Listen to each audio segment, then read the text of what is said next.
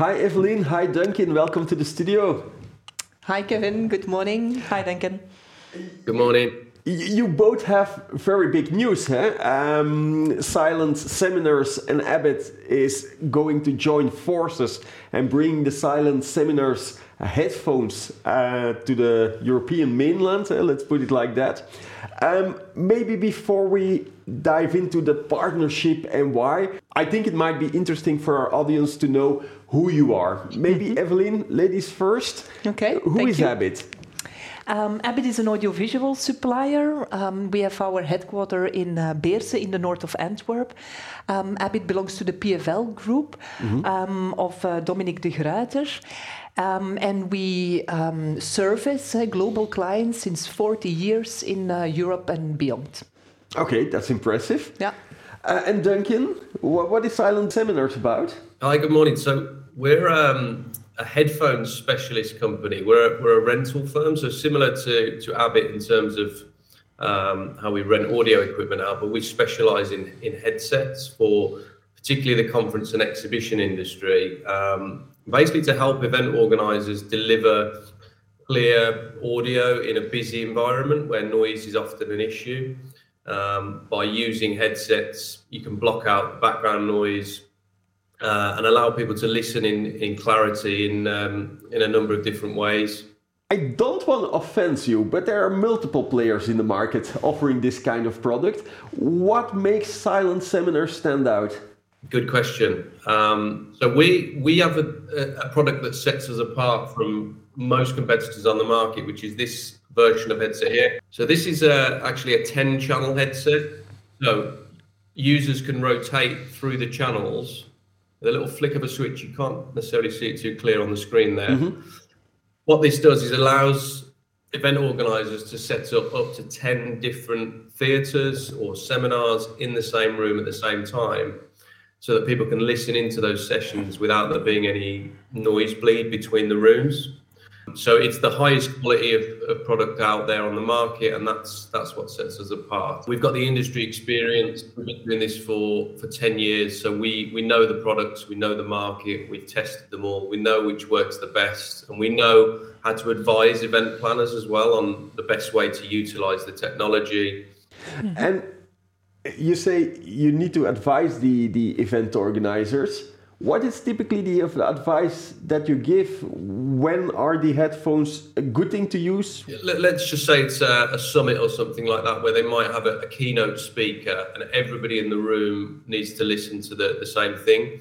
We would suggest to the, the planner have that going through the PA system so that everybody in the room can hear it. But then when you need to break out into your individual breakout rooms, whether you've got three or four presenters all, um, you know, providing a different message at the same time, that's when to use the headsets. Um, and then we advise on on how to manage that process. You know, how to hand the headsets out to people, how to uh, move them from area to area, how to make sure the headsets have been cleaned and sanitized, which obviously since um, the pandemic has become a much bigger issue than before where to be honest nobody ever used to ask uh, now it's it's top of everybody's agenda so that kind of thing really just advice on you know how to manage the the actual technology itself how it can be best used and how to uh, control it on site is it is it a durable um, solution Oh yes, good question. So yeah, the headsets. Uh, I mean, they very rarely um, stop working. They're extremely durable in that regard. So uh, I was explaining before, actually, off air. Um, the only reason we kind of stop using headsets is uh, mechanical failure, which is very rare, or if a new product is introduced to the market that we've tweaked slightly, then what we'll try and do is move the headsets on elsewhere, use them for other projects rather than just um, getting rid of them or throwing them away. We try and be as um, economical as possible and as sustainable as possible. Evelien, back to you maybe. Mm-hmm. At a certain point, you started talking with Duncan. Let's uh, work on this together. Why was that? Uh, we know silent seminars since uh, 10 years, eh, since the very first start of the company, I believe, because we yeah. partner already um, 10 years at IMEX, the Meetings and Events mm-hmm. uh, trade show. And we have a match, uh, the two companies. Um, Abbit, um, as it belongs to the PFL group, we have already a wide range eh, of uh, audiovisual products. And this fits in uh, nicely, I would say. Um, and it unlocks for us uh, new opportunities and new markets. Um, and we are very happy with that. And Duncan, I, if I understood correctly in our pre talk, you were already serving the European market, but then something happens which made it very difficult for you. Yes, the uh, the unmentionable. um, and, we're not yeah, talking about the pandemic now. Eh? We're talking about Brexit. Oh, the other one. Yeah, the other one. a few actually, but um, I mean, Brexit is a, is a big um, issue here for, for many reasons for many of us, and um, you know, we don't necessarily need to talk politics, but it's not something that something that I voted for. I didn't see it as a, a, benefit to the country in any way. And to be honest, everybody that I know over here in the events industry, my contacts for the last sort of ten years, uh, are in the same position as us. It, it's put unnecessary barriers in place um, for us actually trading and dealing with Europe. So yes, we used to send stuff into Europe from here without any red tape, without any issues. Since Brexit, that's no longer as simple as it used to be. Um, that, I mean, that's not the only reason to, to want to team up with Abbit. They're really experienced in what they do. As Evelien said, we've already been working with them for a number of years. So for me, it was a really natural fit.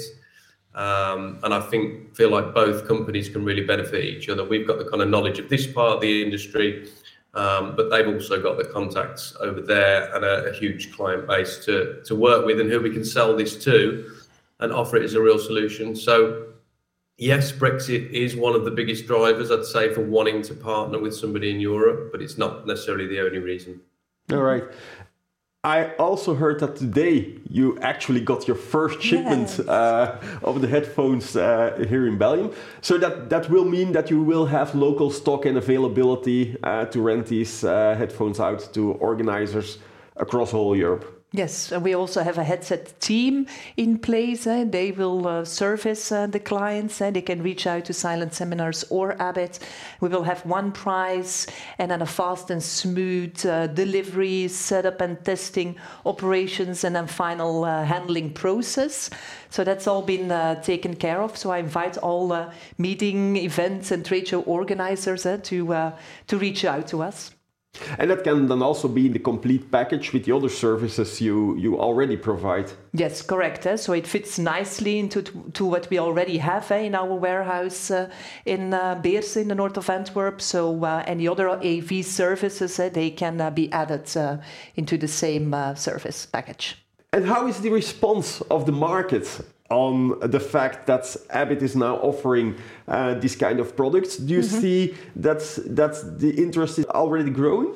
Yes, we um, we started promoting it to the fullest. Uh, that uh, the fact that we um, have this partnership uh, with uh, Silent Seminars, and we see already the first results. Um, with Abbit, we uh, received the first quote for 1,150 um, headsets for a project in uh, Brussels in June, um, and I also think Duncan I've seen the first results. Yeah, for sure. I, think the news has already kind of filtered through because the number of inquiries just in the last couple of weeks has really um, has really gone through the roof. So we've we've quoted for jobs in Geneva, Barcelona, Brussels, uh, Naples, I think as well, which is a bit of a random one, but all over the place. Um, so yeah, I think the ball's already rolling. We're really excited about it, and we can't wait to uh, can't wait to get going. And Duncan, what's the event you're the most proud uh, of delivering your headphones? Uh, that's a good. That's a good question. We do we do lots. There's one uh, that I'm probably most proud of in terms of the scale. I can't actually mention the client because we're not allowed to.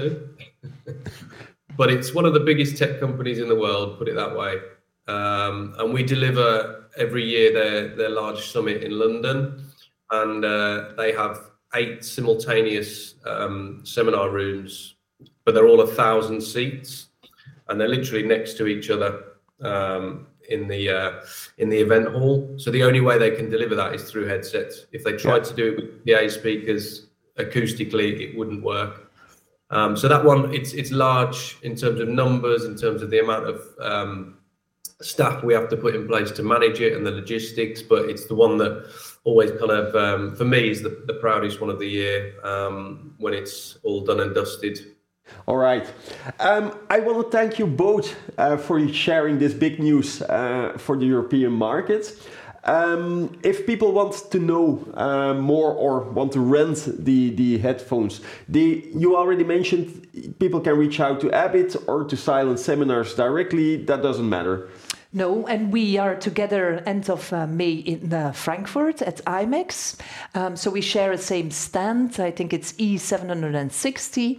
Um, and if they so want to see us in action, because we will be um, servicing uh, the headsets of um, Duncan and of us um, at uh, the seminars and uh, the, the IMEX trade show, they can see us in action, but they can also see our pretty faces again, Duncan, on the stands. So yeah. All right. Thank you both so much uh, for uh, yeah bringing this story. Okay, you're welcome. Thank you, Kevin. Yeah. Thank Thanks, you, guys. Duncan. And you at home, thank you for watching our show. I hope to see you next week.